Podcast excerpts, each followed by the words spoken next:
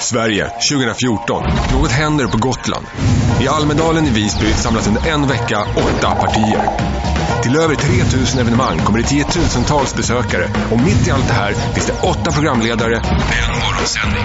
Och dit kommer det massor med gäster. Så nu är det dags att vakna. För det här är God morgon Almedalen.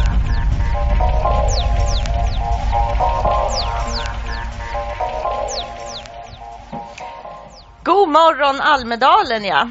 Här på plats klockan sju i ett ganska tomt Visby har jag en ny programledare och det här kommer bli roligt. Det finns risk att jag blir totalt överkörd. Jag har min favoritgäst Magnus Ljungqvist och han är ju vad är du? Du är Almedalen personifierad. Ja, tack så mycket. Ja. Det, det är så här, gammal från 1400-talet. Nej, Eh, ja, nej! Smartast, roligast, bäst analyser, startat makthavare. Ja, det är sant. Det är, Det är faktiskt den bästa. Jag har hängt här rätt länge, det har Ja. jag faktiskt. Nästan lika länge som, som Almedalen har varit den här typen av mediafenomen som det är nu. Ja. Ja. Jag, jag kan citera And, Andreas Henriksson i Dagens Samhälle skrev ju en rolig beskrivning när han puffade för en artikel du har skrivit om att man inte ska gå på mediernas bild av Almedalen. Då skrev han så här. Almedalens egen elevrådsordförande, kårordförande och ordningsman eh, i en och samma person. ja, det är jag. Ja, det är du. Ja, det är jag. Det är jag. Jag kan inte hjälpa det, men så är det. Jag vet faktiskt inte riktigt vad han menar. Jo, jag tror att det är det att jag, jag har ibland lite synpunkter på vad, vad Almedalen utvecklas till och vad jag tycker att jag saknar. Samtidigt som det växer så, och det kommer till massa nya kvaliteter hit till, till Almedalen så känner jag också att, att det finns saker som försvinner som jag verkligen saknar och så, har jag, så gnäller jag lite ibland. Ja. ja. Men börja med ditt eh, sådär Almedalen eh, sådär, första gången eller koncept innan du kom hit första gången. Vad är dina tankar? Alltså för mig så var ju Almedalen eh, väldigt diffust sådär på 90-talet. Jag, jag, jag kom ju hit, eh, jag kom, jag kom inseglande hit för jag skulle segla till Gotland och visa för mig själv att jag kunde ta min lilla båt till Gotland. Och så när jag kom hit så råkade Ingvar Carlsson hålla tal här, tror det var 1994. Och, och sen så var det så att jag hade precis börjat jobba med press och media så att när jag gick upp och satte mig vid Donners plats, fast då var det inte, då var det inte den där andra uteserveringen utan då var det uteserveringen på, på Visby hotell som var det heta liksom. Och där satt alla journalister jag hade velat träffa någonsin. Där satt KG Bergström och eh, alltså, ja, de här legendariska Expressen-reportrarna och, så här. och där fick lilla jag sitta och prata med dem och så kom det rullande förbi politiker och, och bara hälsa och så plötsligt var man lilla juniorkillen så där som fick vara med på allting. Så, och det var jättehäftigt. Så att, eh, det, det har gjort att jag, men, men det var någonting helt annat. Vi Det pratar var- om en tid där det var två seminarier i Almedalen. Ja, nej, det är ju helt otroligt. Men eh, om du då har varit här så många gånger, vad finns det för bästa minne? Ja, alltså jag har ju jättemånga bra minnen eh, härifrån. Eh, framförallt mycket spontana möten. Men det är klart att, att ska jag titta vad jag själv har åstadkommit och, och gjort så här här nere så tycker jag ju att att den jättestora eh, Almedalsbloggsfesten från 2008 där vi också hade gjort en kartläggning över hur maktförhållandena ser ut i, i Almedalen det, det kan det roligaste. Så 2008 då pikade jag. 2014 pikade Almedalen. Men var det 2006 som du avsatte en- en minister? Ja, ja, ja det, var ju däremot inte här. Men jag, jag var ju med i det här stora blogggenombrottet. Var en Ja. av de tidigare eh, eh, politiska bloggarna. Eh, och när jag hade gjort det i två år så tyckte jag att det var ganska tråkigt att bara skriva om vad jag tycker. Så då började jag ägna mig åt hade ett litet projekt som pågick i två år. Det, det som jag kallar för medborgarjournalistik. Mm. Och då grävde jag på olika saker. Bland annat Maria Borelius inkomster. Och när jag grävde fram det så ledde ju det till att hon åtta dagar senare avgick. Så det är i, från en bloggpost så... Ja, nu tycker jag inte man ska ta åt sig. Alltså, men min bloggpost var med och, och, och satte igång det spelet som sen i media blev ett för stort Ja. tryck. Alltså det, det funkar ju inte så att en bloggpost, det funkar inte så att en tidningsartikel avsätter några ministrar heller. Nej. Utan det, det är ju det är ett skeende som sätter igång. Och då är man liksom en sten bland många som rullar ner för backen. Det. Mm. Men jag kanske var en av de tidigare stenarna. Ja, Mm. ja. Mycket spännande. Om man då tittar på um, Almedalen i år, din analys så... Ja, jag, jag tycker att det här är ett fullständigt fantastiskt folkbildningsevenemang. 3500 seminarium, över 20 000 besökare. Jag tror att det är bortåt 30 000 besökare om jag ska, vara, eh, om jag ska göra en sån här uppskattning löst. Och eh, folk lär sig mycket. Det går åt hundratusentals mantimmar för att förbereda fantastiska förslag som, som presenteras här uppe. Och allt är fantastiskt. Det är roligt. Det är jätteroligt. Tråkigare är den spegling som sker av det här i media. För det sker ingen alls. Utan det media och de stora etablerade medierna idag skildrar från Almedalen är någonting annat. Det är ytorna, det är minglen, det är rosén och framförallt är det vad journalisterna själva tycker i sina tält. Och det tycker jag är så tråkigt därför att 50 meter bort så har de fantastiska förslag som presenteras varje dag. Chanser att göra nyheter som vi inte hade en aning om fanns. Och jag tycker det är tråkigt att de chanserna inte utnyttjas. Mm. Du, eh, det är ju, vad är det, 700 journalister på plats. Ja. Och det är mycket berättande samma sak. Ja. Mer än att ge sig ut och hitta allt det andra. Ja, och jag tycker att det är lite synd därför att jag har ju varit med och dragit igång eh, alltså, eh, Almedalsbevakningen på nätet i form av Almedalsbloggen och som sen blev makthavare.se. Och då ska jag säga att innehållet på de sajterna har ju just varit att bevaka ytan och det som är runt omkring och aktörerna och sådär. Eh, men det var ju också lite grann därför att vi kände att vi inte hade resurser att göra det andra. Men idag är det ju lite så, som ironiskt, idag är det ju bara vi som, som bevakar seminarierna, det som händer, det, det är vi som har stor bevakning av det. Och de etablerade medierna har tagit över det här mera ytliga, enkla bevakningen. Så det, det, känns lite, det känns lite konstigt för mig, särskilt när de uppenbarligen har så enorma resurser och kan komma ner med så mycket teknik och så mycket personer och så mycket pengar. Men lokaljournalistiken, den jobbar väl ändå annorlunda som är här och gå in och kolla på den lokala präglingen. Jag fick den uppfattningen när jag var i en, i en eh, debatt när veckan började. Sen har inte jag hunnit kolla upp hur Ja, jag skulle tro det. Att de, de redaktioner som kommer utifrån landet och som, alltså, vi kan ta liksom Dalarnas tidningar eller vad som helst, som kommer ut från landet och hit och inte har de här stora resurserna, de letar faktiskt fortfarande efter nyheter. Så jag skulle tippa att man får den bästa Almedalsbevakningen på allvar, snarare i Västerbotten-Kuriren än i Aftonbladet. I, i, I vårt lilla försnack så hade du eh, ditt ord för det som egentligen finns här och som man missar är en kunskapsbonanza. Ja, det är ju helt otroligt. Alltså jag, jag, jag, det, det är ju så fantastiskt att se alla de här engagerade människorna som kommer hit. Eh, Här, pågår, ju, här pågår ju branschmässor om vård, om eh, företagande, om bostadsbyggande, om infrastruktur, om en helt massa saker. Och folk satsar med liv och lem. Det pågår månader förberedelse för det här. Det är en enorm kunskapsmassa som samlas här. Och eh, jag tror att den blåser förbi lite grann. Och sen är det lite tråkigt för att det är också så stort tyvärr, och jag vet inte riktigt hur man ska lösa det, men den som kommer på lösningen på hur man får de här eh, branschmässorna, om man ska kalla det så, Mm. att börja möta varandra, att få vårddiskussionen att berika skoldiskussionen och få dem att berika eh, eh, bostadsdiskussionen, det, det, det skulle jag vilja, därför att det var det som var Almedalens verkligaste, det är därför det är så stort nu, därför att det hände i början, mitten av 2000-talet.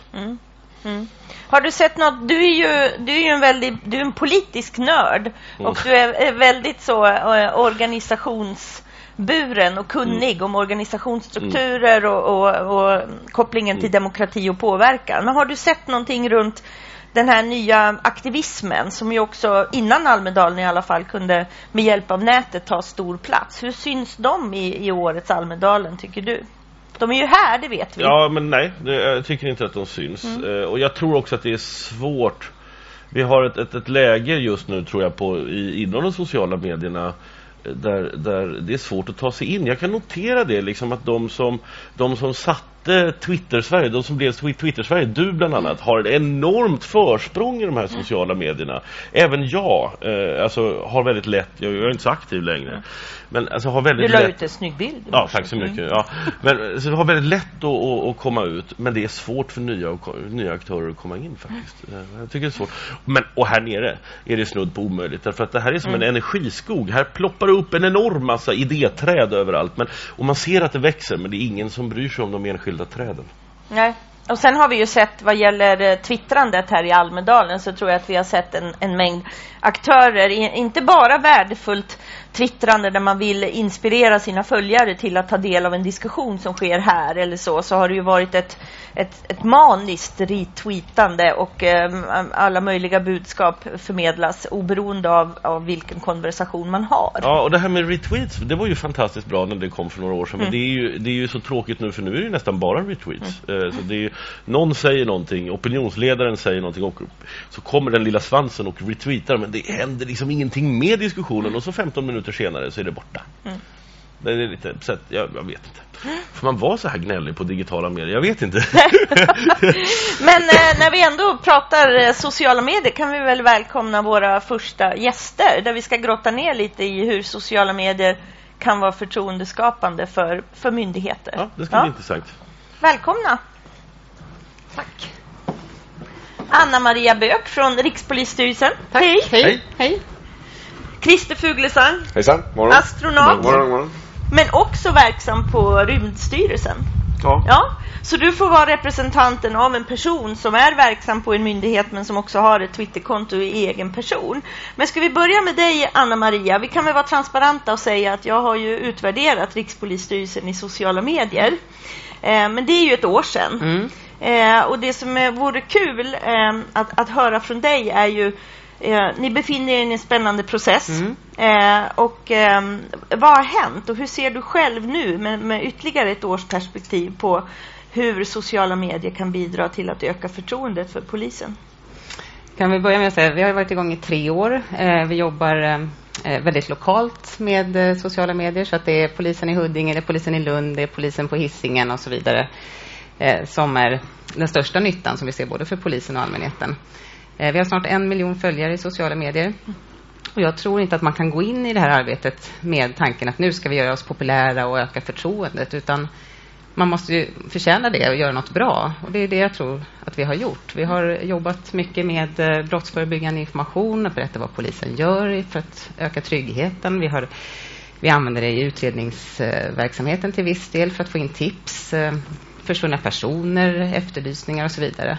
Och sen framförallt den här dialogen som sker eh, mellan polis och medborgare. Man får kontakt med sin polis. Reine i Huddinge till exempel kan ställa frågor, tycka till, eh, ge kritik, beröm och så vidare. Får jag fråga? Alltså, jag, jag, tyck, jag följde några sådana här ja. poliskonton. Jag var så glad för jag tyckte de var så roliga. Mm. Så, så kom den här eh, eh zigenarregister, romregisterhistorien i Malmö. Mm. Och plötsligt så kändes det inte alls så där fräscht med den här lokala grejen. För att det bara stormade in frågor mm. till polisen. Men vad tycker ni? Kan ni ta mm. ställning om det här? Och svaret blev bara tystnad och sen så efter en kvart så kom ny utryckning i Huddinge. Och då kändes det som, det kändes som en sån total ironi. Polisen klarar inte av att mm. hantera den här stora frågan utan då blir det så här, vi tystar en stund och sen så berättar vi att vi får ett larm. Det där kan nog handla lite också om hur själva myndighetsstrukturen ser ut. Det händer någonting då i Polismyndigheten i Skåne och så är det några populära poliser i Stockholm som har väldigt många följare. De får ta, ta debatten om allt. Om tillståndsgivning, datalagring, eh, register och så vidare. Eh, inte helt lätt för dem att hantera. Så att... Nej. Mm. Vad händer mm. nu när ni blir eh, en myndighet? Um, jag tror inte det kommer hända så himla mycket med de här, den, den, här lokala närvaron. Det är ju en av uh, idéerna med den nya polismyndigheten. Vi ska komma ännu närmare medborgarna och jobba ännu mer ute. Så att, uh, där ligger vi liksom helt rätt i den här satsningen med sociala medier. Uh, men däremot tror jag just det här stödet kring svar och, och det, det, det, kan vi utveckla och effektivisera. Och det, blir helt, det får vi bättre förutsättningar för i den nya myndigheten. Mm i min utvärdering så konstaterar eh, man just in, inför har det funnits mycket funderingar i det här med personligt, privat, professionellt och, och vem man är i, i sitt twittrande till exempel. Hur, hur tänker du kring det, Christer? Ja, jag började twittra för att jag ville berätta om liksom, slutfasen i min träning inför min andra rymdflygning. Mm. Liksom, ge, ge folk en chans att vara med lite snabbare vad som händer. Mm. Och sen så slutade jag nästan efter min flygning. Så kom folk fram och sa, men kan du twittra lite grann igen då? Så håller på i huvudsak och berättar om där, professionellt och vad, vad, som händer ja, på KTH med lite rymdverksamhet och någon gång ibland jag tycker. Men eh, ibland har jag använt den privat också. Och, och, eh, det kan ju vara lite svårt. Alltså jag fick ju i alla fall små retweets som vi pratade om här när jag råkade slänga ut en tweet här om att jag var inte så glad över en, en restaurang med handlade liksom. Nej, så blir det ju. Det det är som, du blir ju så otroligt mycket mer intressant när du plötsligt blir privat. När vi plötsligt får liksom se Christer Fuglesang. Ja, men det, du är för all del väldigt intressant som offentlig person också. Men, men du är ju en kändis och då, då blir det ju den där reaktionen. Ja, bra lärdom. Men du hade inte tänkt på det? Du, du liksom, vad, vad trodde du skulle hända? För det tycker jag är så intressant. Ja, jag tänkte väl att eh, några skulle se det här och kan, kanske ägarna på det här stället och reagera någonting åt det. Men eh, just därför det här med att blanda ihop privata och offentliga så har jag liksom aldrig vågat ge mig in på Facebook därför jag liksom varit bekymrad hur det skulle kunna blanda ihop det sådär. Så eh, ja, om man som polisen verkligen är en myndighet, ja men då blir man ju tvungen att ha liksom två verkligen separata Twitterkonton. Men, men, men så långt har jag liksom ingen lust att gå då. Mm. Hur valde du att hantera nu då? Du fick väl en mängd respons där? Hur har du hanterat det sedan dess? Jag har inte kikat här nu i morse. Nej, jag har inte gjort något mer. Jag menar, eh, Expressen försökte få tag i mig och ringde mig och så här, men eh, sms jag bara skrev lite kort. Jag har ingenting att tillägga. Liksom. Det är lite olustigt, men det händer ju inte bara mig, sånt händer ju många. Mm. That's it för mig. Men det finns ja. ingen anledning att hålla på och hjälpa med det. Jag menar. kanske var dumt av mig. Det var lite misstag av vakten också, men alla är ju misstag. Mm. Och tweetsen ligger kvar? Ja, det tycker jag. Det har varit ja. ännu sämre att försöka ta bort den. Exakt. Det där är ju en diskussion vi har haft mycket, mm. Anna-Maria. Mm. Apropå, ni har ju också varit i blåsväder kring ja. ett par händelser. Eh, hur har ni jobbat med det? Nej, men det, det, har ju varit en läroprocess och där har ju vi gjort något ganska unikt. Tror jag. Vi har ju flyttat ut kommunikationsansvaret långt ut i verksamheten. Det är enskilda poliser eller polisanställda som, som når betydligt många fler än vad vi gör med en text vi lägger ut på polisen.se till exempel som har manglats kanske många gånger. Mm. Eh, men det där har ju varit en läroprocess och jag tycker att eh, poliser är jätteduktiga på det här måste jag De är jätteduktiga kommunikatörer. Sen har det blivit fel. Eh, vi har haft eh, mycket diskussioner kring det här med ton och tilltal och hur man som myndighet eh, agerar liksom, i sociala medier. Man kan inte vara för by byråkratisk och tråkig men man får inte bli för rolig och personlig heller. Mm. Jag tycker det är jättefint att ni låter polisen bära, alltså poliserna bära varumärket polisen på ett så tydligt sätt. Det, är, det, det ger mig en viss förtroende för att det här är, det här är på riktigt. Så att säga. Mm. Det, det känns som en bra, bra närvaro i just Twitter-miljön i alla fall. Det som är tydligt som man ser i utvärderingen mm. det var ju att det här att man verkligen uppskattat till människan bakom uniformen och det är ju många som följer som är intresserade av yrket. Mm. Det måste vara en viktig kanal också för att faktiskt få veta lite mer om hur det är att vara astronaut, precis som... Ja, alltså en av de största Twitter-grejerna har ju varit en astronaut, kanadensisk eh, Chris Hadfield, som började twittra från rymden. När jag flög då, då hade Twitter kommit men det gick inte att skicka grejer direkt från rymden ännu. Men nu har man bättre. cool. Det är ju skönt. Jag, menar, det, det, ja, ja. jag känner att jag också vill twittra från rymden. Ja. Det är många som tycker att jag gör det. Nej, jag tror att det är många som upplever oss som lite ovanför ibland. Men, men han visade liksom väldigt mycket hur det var där uppe på enkla och svåra sätt och sådär. Och fick ju enormt massa miljontals följare och, och retweets för övrigt också. Och det blev ju en enorm boom för, för intresset igen där för framförallt från Kanada och USA. På mm. Men vad, vad, vad, gör en astronaut och vad gör Rikspolisstyrelsen i Almedalen då? Vill du börja Maria? Ja, eh, vi har varit med i en mängd olika seminarier, eh, BRIS, eh, Brottsförebyggande rådet eh, och så vidare. Eh, och sen är det förstås, polisen är ju här och har en jättestor kommendering. Eh, det är en jättestor polisinsats här i Almedalen. Mm. Mm har mer än så. Ni har ju haft absolut högsta FRA-generaldirektör och MUST-chef, FRA, eh, Säpo-chefer. Så det har ju varit på försvarspolitiska arenan bland annat när man kommer ja. på det militära och polisiära som ett annat. Så det har ju varit en väldigt hög nivå på era insatser. Ja. Alltså seminariemässigt. Mm. Mm. Kul att höra. Och ni jag kan säga att jag har mest deltagit i event som har att göra med hur, hur ska vi få fler unga att plugga och studera och ah. fler ingenjörer och, och de sakerna. In, in, inte promovera rymden på något sätt, vilket jag annars gärna gör. Men eh, mycket av det jag gör, framförallt för Rymdstyrelsen, det är att använda det här intresset och fascinationen för rymden att stimulera unga att en dag kanske vilja plugga och bli ingenjörer eller naturvetare och sånt där. Jag menar, det är inte så att alla ska bli rymdforskare eller något, sånt. Men, men, just det intresset som på något sätt finns nästan hos alla. Väck, stimulerade lite extra blev intresserad av det där. Ja, jag vill behöva läsa lite matte, fysik. Så. Men hur känner du att Almedalen fungerar som en sån arena? Alltså, får du Alltså, mer Almedal- gehör här än på andra ställen? Eller? Nej, kanske inte. Så att, eh, men men eh, allting bidrar ju här. Alltså, det, det är ju som en enorm eh, jag säga, gryta av idéer som kokar runt. Forskningen har visat att när många människor liksom är tillsammans och interagerar så leder det utvecklingen. Man har visat hur stora städer per capita har större utveckling än små städer för man tror att det är fler idéer som går runt. Så man är en fantastisk grej. Och så Demokrati verkligen. Ja, Anna-Maria, har du någon sån favorit som har hänt i veckan? Ehm, Har du hunnit med något fråga. annat än ditt eget? Inte mycket faktiskt. Eh, Men eh, nej, det, min favorit är nog eh, att stå med polisen liksom, på gatan här och, och se samspelet med allmänheten. Mm. Och hur mycket folk som kommer fram och pratar och frågar. Det är liksom, Mm.